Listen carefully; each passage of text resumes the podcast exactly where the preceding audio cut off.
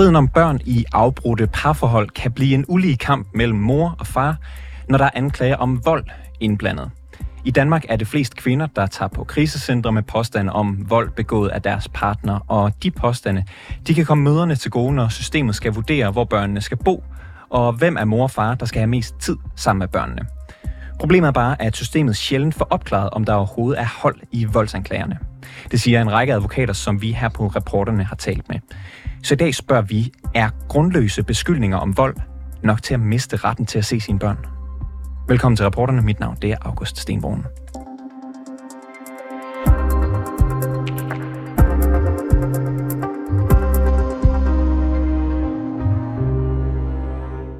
Lad os starte med at tage tilbage til sommeren 2019, hvor en far skal på sommerferie med sine to børn, som han har hver anden uge. De andre uger er børnene hos deres mor. Men op til ferien har moren talt med børnenes læge og en advokat, og beslutter, at det er bedst at tage på krisecenter sammen med børnene. Herfra bliver faren anklaget om psykisk vold mod sine børn og fysisk vold mod det ene af børnene. Min kollega Rassan Kip har talt med faren, der skildrer sin oplevelse af at stå som voldsanklaget i det danske familieretssystem.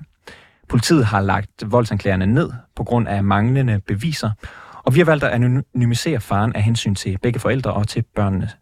Vi gør opmærksom på, at interviewet her på ingen måde forholder sig til selve konflikten mellem forældre, forældrene, ligesom vi her på rapporterne heller ikke forholder os til skyldspørgsmålet om vold.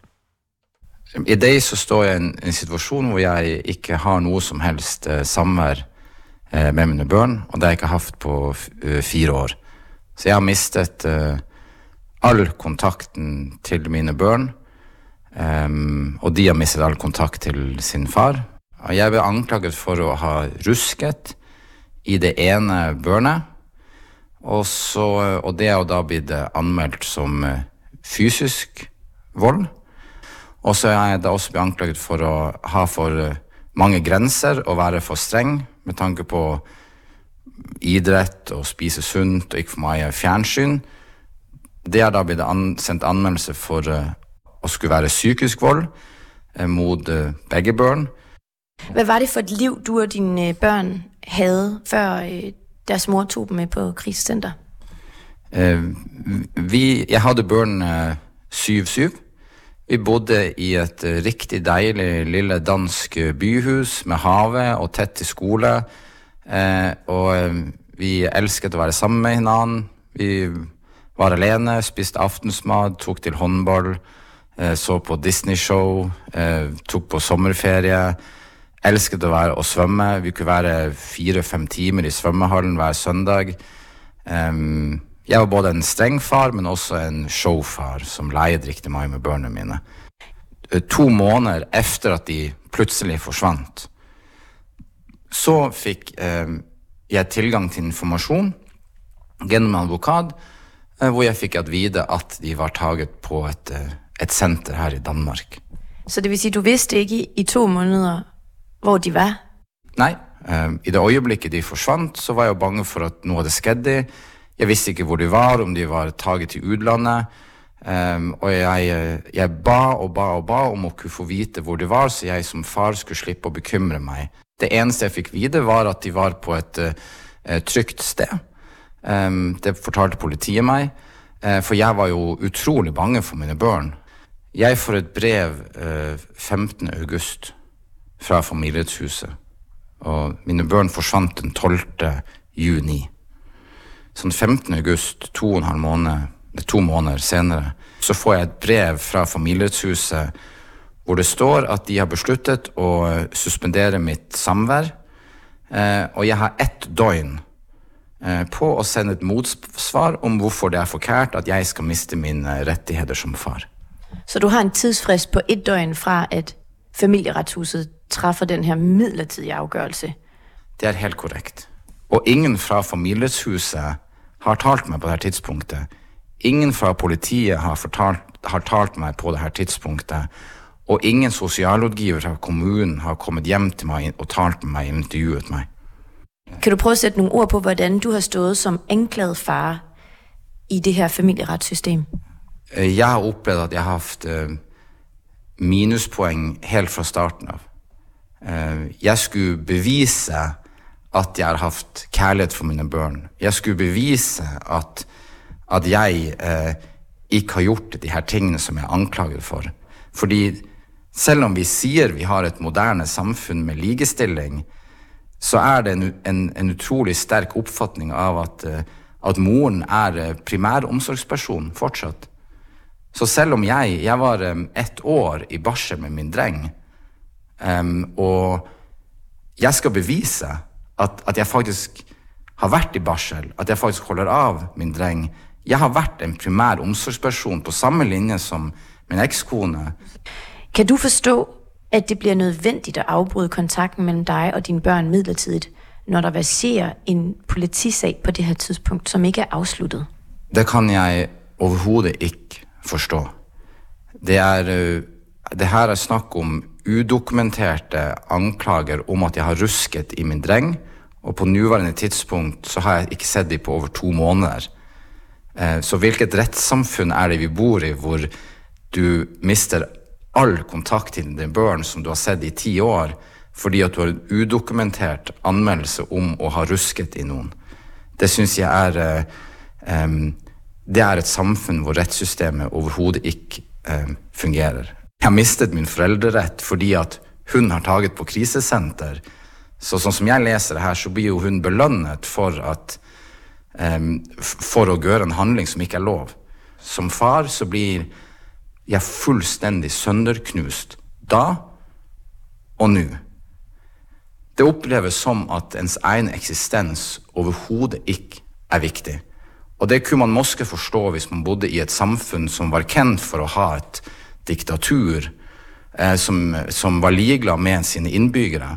Men jeg har jo vokst opp i Norden, hvor jeg hele tiden har trodd at det å betale skatt, det å opprettholde lover, ja, men så vil jo også eh, rettssystemet eh, synes at jeg er viktig.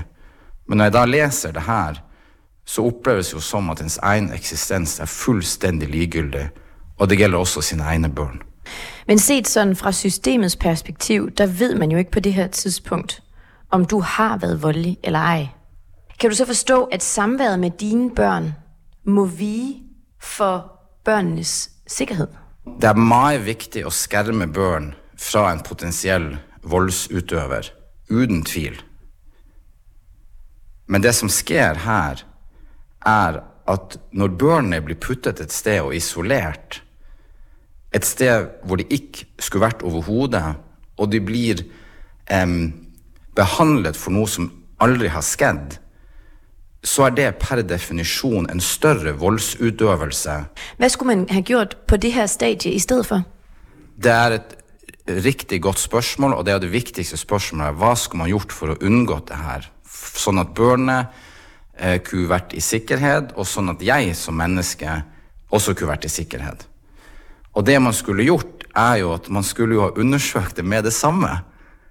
Man skulle ha tatt fatt i den foreldren, som jo er meg i det tilfellet her, og sagt Hei, du er anklaget for det her. Vi trenger å tale med deg. Så hurtig som mulig. Og det er jo det per definisjon også rettssikkerhet. Det er jo sånn man unngår at falske anklager må eh, gjøre at eh, borgere i et samfunn eh, opplever justismord. Og jeg må jo godt forstå hvis det måske tar to dager eller tre dager før, før man taler med den personen. Men i dette tilfellet så er det jo faktisk ingen som har talt med meg før det har gått ca. to måneder. Og det er jo det som gjør at det her er enormt, enormt eh, farlig i et rettssamfunn for meg, men også for børnene. Fordi at det betyr at når det går så lang tid før du taler med den som er anklaget for å ha rusket, så skal jo børnene være et eller annet sted. Og dessverre så har de nå blitt puttet et sted som faktisk gjør det utrolig, utrolig vondt. Sagen bliver jo afgjort først i byretten og senere i landsretten i løbet af en periode på halvandet år. Øhm, både i forhold til samværsspørgsmålet, men også i forhold til forældremyndigheden. Og skriver i dokumenterne, at der på grund af det høje konfliktniveau, og fordi at børnene har boet øh, ved mor eller sammen med mor siden 2019, og mest er knyttet til mor, så skal hun have forældremyndigheden. Og med hensyn til samvær, så skriver byretten, at øh, dig og børnene kan få lov til at få et overvåget samvær. Jeg tror, det var hver anden uge, en time af gangen, og så bliver det trappet op til halvanden time til to timer. Og øh, du ender jo med at miste begge dele. Det er jo meningen med de her afgørelser, at de tager udgangspunkt i børnene, og hvad der er bedst for børnene. Ja. Hvorfor er du ikke enig i de her afgørelser? Jeg er helt uenig i de avgjørelser fordi at det er ikke til børnets bedste at deres far blir fullstendig fjernet fra deres liv fra en dag til den andre. Det er jo lavet eh, efterforskning to ganger på de her anklagene om at jeg har rusket i mine børn. Det er lavet efterforskning på anklaget om at jeg har varit en for streng foreldre med for mange regler. Og all efterforskning har konkluderat med at det er ingenting at putte de her eh, falske anklagene i. Så det... Bare lige i forhold til det, der står, jeg refererer lige, øh, så alle er med, fordi det står nemlig også i, i afgørelsen fra byretten. Det, det lyder sådan her. Der foreligger indvider ikke lægelige oplysninger eller øvrige oplysninger, der godt gør, at sagsøgeren, altså dig, har udøvet vold mod børnene under samvær. Så det vil sige, der er ikke øh, noget bevisligt for, at det er sket, og det refererer retten også til her. Og det er også derfor, at deres afgørelse hviler mere på jeres konfliktniveau, og på, at børnene er mest knyttet til mor og har boet ved mor øh, siden 2019. Og i det tilfellet tar det ett og et halvt år før jeg får lov til å se mine børn. Så i ett og et halvt år jamen, så har det jo vært sånn at jeg faktisk vært dømt for noe som aldri har skjedd. Når man finner ut av at jamen, jeg som far faktisk er uskyldig, så sier man ja, men nå har det gått så lang tid. Eh, så derfor så opprettholder vi det som vi besluttet for ett og et halvt år siden. Så jo lengre tid som går, jo mindre rettssikkerhet har jeg som borger. Og efter får du lov til ved et overvåget samvær i en time at se dine børn. Det sker én gang, og så beslutter familieretshuset også at lukke ned for det. Hvad, hvad skal der ske nu? Eh, men i forhold til min egen situation, så har jo jeg blitt eh, tvungen til å skulle selge mitt hus. Eh, jeg kan ikke gå eh, eh trygt på gaten i mitt nabolag fordi de bor 300 meter vekk. Jeg er bange for at det kommer eh, flere falske anklager. Jeg, jeg, bor som sagt i en, en, i en by hvor det er eh, nemt nevnt å støte på børnene tilfeldig, og det har skjedd flere ganger. Og jeg blir hamrende bange hver gang det skjer. Eh, spesielt hvis jeg er alene. Men jeg er jo nødt til å tenke på at jeg skal, jeg skal være et samfunn som jeg tror på. Og hvis jeg får børn igjen, så trenger jeg å vite at de vokser opp i et demokratisk samfunn hvor de ikke bare må miste sin far fra den ene dag til den andre, og, og, og så ser de aldri sin far igjen. Og for en god ordens skyld, så gentager jeg lige, at interviewet her er en skildring af, hvordan man står som voldsanklaget forældre i sager om samvær og forældremyndighed i det danske system. Her på rapporterne har vi talt med fem forskellige advokater i landet, der til daglig beskæftiger sig med samværssager. De har klienter på begge sider af sagen, og så fortæller de samstemmende to ting. For det første, at den forælder, som kommer med voldsanklager, står stærkest, når der senere bliver truffet afgørelse om fordeling af tid med børnene. Og for det andet, at anklagerne om vold sjældent bliver helt opklaret i retssystemet. Velkommen til dig, Sofie Emilie Lindenstjerne. Du er advokat i børne- og familiesager hos Milav Advokater. Kan du forklare mig, hvordan den voldsanklagede forældre står svagest i sager om samvær med deres børn? Ja, tak skal du have. Øhm, ja, altså man kan sige både og. Det er jo ikke i sig selv nok, at man kommer med voldsanklager. Men det, der jo er i det, det er, at hvis man har andre omstændigheder, der understøtter det, så kan det være en fordel. Det problem, der er med den nye lov, der træder i kraft her fra den 1. januar, det er, at den Udover selvfølgelig at beskytte de familier, hvor der rent faktisk har været vold, og hvor man kan sige, at der er en berettiget øh, grund til at beskytte de børn øh, mod en forælder, der, der udsætter dem for vold, jamen så kan den også misbruges i forhold til de forældre, som jo så ikke øh, er taget på krisecenter af, af reelle årsager, og de findes desværre også i det her system. Og, og det, det bare lige for at opsummere, det er den lov, øh, så vidt det, er en del af barnets lov, som er regeringens store øh, satsning på socialområdet, hvor man, øh, kan rette mig hvis jeg tager fejl, øh, hvor man, hvis man melder sig på, på krisecenter, så øh, fratager man automatisk retten til at se børnene fra, fra den øh, øh, voldsanklagede part, øh, og det hjælper så, øh, eller det giver så nogle, nogle rettigheder senere hen, når man skal til at tage spørgsmål op om samvær. Er det nogenlunde ja, korrekt? Præcis. Ja, ja. Det er præcis. Fordi på nuværende tidspunkt, der er det udgangspunktet, at barnet har ret til at se begge forældre. Det vil sige også den forælder, som barnet ikke opholder sig hos mest. Øh, med mindre vi kan dokumentere, at det ikke er til barnets bedste med samvær. Øh, den nye lov, den går hen og ændrer det, så den simpelthen vender den på bund, med bund i vejret og siger, jamen, barnet skal ikke have samvær, medmindre vi kan dokumentere, at det vil være til barnets bedste. Altså må vi formode, at der bliver flere sager, hvor der ikke kommer til at være et samvær. Og det kommer så i sidste ende til at, at betyde noget for, hvordan man øh, opgør samværet, øh, når... Det betyder, at der vil være flere sager, hvor der ikke bliver fastsat et samvær, imens sagen behandles øh, ved familieretshusen, som det ser lige nu. Det er ikke helt rigtigt, at det i sig selv er nok at komme med voldsanklager. Men det kan jo have betydning for, om der bliver fastsat midlertidigt samvær under sagen. Hvis familieretshuset øh, køber ind på, at der har været vold i forhold til børnene, jamen så kan det enten være, at man får fastsat et overvåget samvær, eller man får fastsat et mindre samvær, end det man måske ellers har haft tidligere. Så, det vil sige, jamen, så bliver man stillet ringere.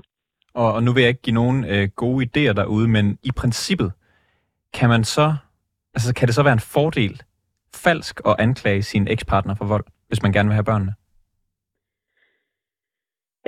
Øhm, ja, altså det, det vil jeg i hvert fald ikke afvise, at det, det sker i sagerne, og jeg skal heller ikke sidde og give gode råd på den øh, konto, men, øh, men det ser vi, og, det, og vi ser også nogle gange, at det kan øh, give både i den anden ende.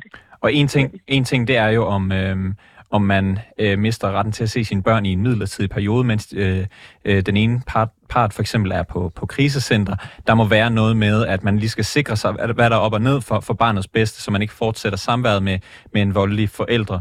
Men, men der kommer vel også et tidspunkt, hvor det endelig skal afgøres i, i familieretten ved en dommer. Hvordan forholder de sig til, til de her anklager? Jamen, vi kommer ikke udenom, at tid det er bare en afgørende faktor i de her sager her. Man kan have stået i en situation, hvor man egentlig, som jeg også forstår, at, øh, at den case, I har brugt, øh, hvor det har været tilfældet, man har haft en ligeligt børnene, og man som udgangspunkt måske derfor egentlig på papiret ville have lige gode muligheder for at få børnene af spopæl, og måske også, øh, eller i hvert fald øh, et, godt samvær derefter. Det, der sker, når, man, når vi går hen og afbryder samværet med børnene, det er, at de jo mister kontakten, og dermed også, øh, at den her relation, den udvaskes. Det vil sige, når vi skal hen og fastsætte samvær, eller måske endda tage stilling til bopælen, så kigger vi jo på, hvad er børnenes virkelighed. Og er der gået rigtig lang tid, hvor børnene har haft meget lidt eller ingen kontakt med en forælder, jamen så kommer det til at have indflydelse på, hvad samvær vi så fastsætter i sidste ende. Vi starter ikke som regel, med mindre selvfølgelig vi har med store børn at gøre, som har en helt klar holdning. Øh, hvis vi har med mindre børn at gøre, jamen så fastsætter vi ikke fra den ene dag øh, et 5-9 samvær, øh, hvis der ikke er en relation at bygge videre på. Øhm, og som jeg også kan forstå i den her, øh, og nu skal jeg skynde mig at sige, jeg kender ikke den konkrete familie, som jeg brugte som case eksempel her, så det er helt generelt, jeg udtaler mig. Men lad os nu sige, at der er gået et helt år, hvor man ikke har haft kontakt til børnene, fra den ene forælder tager på krisecenter, til der falder en dom i byretten. Det, det tænker jeg ikke er et u- usandsynligt scenarie. Øhm, jamen, så har den anden forælder også haft tid til at påvirke børnene i det år, der er gået. Og så kan det godt være, at det faktisk ikke er reelle anklager, der er kommet om vold i første omgang. Men hvis børnene har fået at vide tilstrækkeligt mange gange, at de skal være bange for den anden forælder, jamen så kan, det godt, kan vi godt stå i en situation, hvor det simpelthen er blevet til barnets virkelighed. Men... Og så kan det godt være, at retten ikke mener, at der rent faktisk er begået et voldeligt forhold. Men hvor man må sige, jamen det vil være et overgreb på barnet at tilkende øh, bopælen eller samvær efter den påstand, som, øh, som den forælder, der er blevet anklaget, har. Simpelthen fordi barnet er, er ude af selv af, af skræk øh, over, hvad det er, den Og- forælder. Og hvad kan man så, hvordan kan man så indrette systemet, så, så det her ikke sker? Fordi der er vel også bare det, at man bliver nødt til, hvis der er mistanke om vold mod børnene, så bliver man vel nødt til at skærme dem fra den, øh, hvor, hvor mistanken falder på. Øh, hvordan sørger man for, at det så ikke øh, spiller ind, når, når, hvad kan man sige, det hele skal fordeles til sidst? Ja, og det er jo et rigtig godt spørgsmål, fordi det er lige præcis der, hvor, hvor systemet har rigtig svært ved at håndtere de her øh, familier. De muligheder, vi har lige nu, det er, at vi kan gennemføre overvåget samvær øh, ved familieretshusene. Det er som regel af øh, en 6-8 gange, de kommer ind og har et overvåget samvær. Det er sådan gennemsnitligt. Øh, nogle gange lidt mere, og nogle gange mindre. Øh, og ellers så har vi mulighed for at gå ud og lave det, vi kalder for børnesagkyndige undersøgelser. Det er, hvor der kommer en øh, børnesagkyndig ud i de to hjem, og har, ja, som oftest i to hjem, eller, eller et andet sted, men, men har to samtaler med hver forælder, og som regel også øh, ser dem i samspillet med børnene, hvis det kan lade sig gøre. Det er sådan set de muligheder, der er, og så kan de jo selvfølgelig have børnesamtaler. Men vi skal også huske på, at de børnesamtaler, det er jo nogle korte samtaler, og det er udtryk for børnenes holdning i det øjeblik, de sidder til samtalen. Vi har ikke rigtig god mulighed for at gennem længere tid at bearbejde de øh, oplevelser, som børnene kommer med, og finde ud af, om er de egentlig reelle. Det, det gør vi ikke ret meget af i systemet, og det er nok der, hvor systemet i virkeligheden har øh, nogle fejl og mangler, som man, man godt nogle gange kan, kan undre sig lidt over. Og er de fejl og mangler så grove, at man, hvis man vil, kan benytte det til at skaffe sig en fordel ved for eksempel at give falske anklager om vold mod sin øh, ekspartner? Ja, altså det er det korte svar. Det, det kan man. Øh, og det ser vi desværre også, at hvis man virkelig vil, jamen, så kommer vi til kort i det her system. Øhm, Og- og en ting, også i nogle tilfælde. En ting er jo, om, om det kan lade sig gøre, undskyld, øh, en ting er jo, om det kan lade sig gøre, men bliver det rent faktisk gjort, altså du arbejder med det her område, oplever du, at der er grove mistanker om, om det overhovedet er, er, er rigtige anklager, de her voldsanklager? Øh, anklager? Ja, altså det, det tror jeg simpelthen ikke, der er nogen advokater i, inden for min branche, der ikke fra tid til anden oplever. Altså vi oplever også de sager, hvor vi, vi godt kan se, at det her, det, der er ikke nogen ting, der understøtter de påstande, der kommer i sagerne, men hvor børnenes oplevelse er blevet til deres virkelighed, og hvor vi simpelthen ikke er har mulighed for at kringe sig ud af dem. Og ja, jeg sidder også med aktuelle sager lige nu, hvor det er situationen, hvor vi simpelthen har at gøre med nogle sager, hvor der sidder forældre og og måske også et decideret siger det åbent i retten, når vi sidder dernede, at ja, de har, at de arbejder på, at der ikke skal være noget som helst mellem den anden forælder og børnene. Øh, og hvor der ikke er skyggen af dokumentation for, at der skulle have været noget. Øh, og, og der må vi også bare sige, vi kommer, til, vi kommer virkelig til kort i det her system, fordi selv hvor retten vurderer, at der skal være et samvær, jamen så har vi kun en begrænset øh, palette af tvangsmidler at gøre brug af. Vi Sofie kan udstede Emilie Lindenstjerne, jeg bliver nødt øh, til at korte dig her. Vi har ikke mere tid. Ja. Du er advokat i børne- og familieretssager. Tak fordi du er med.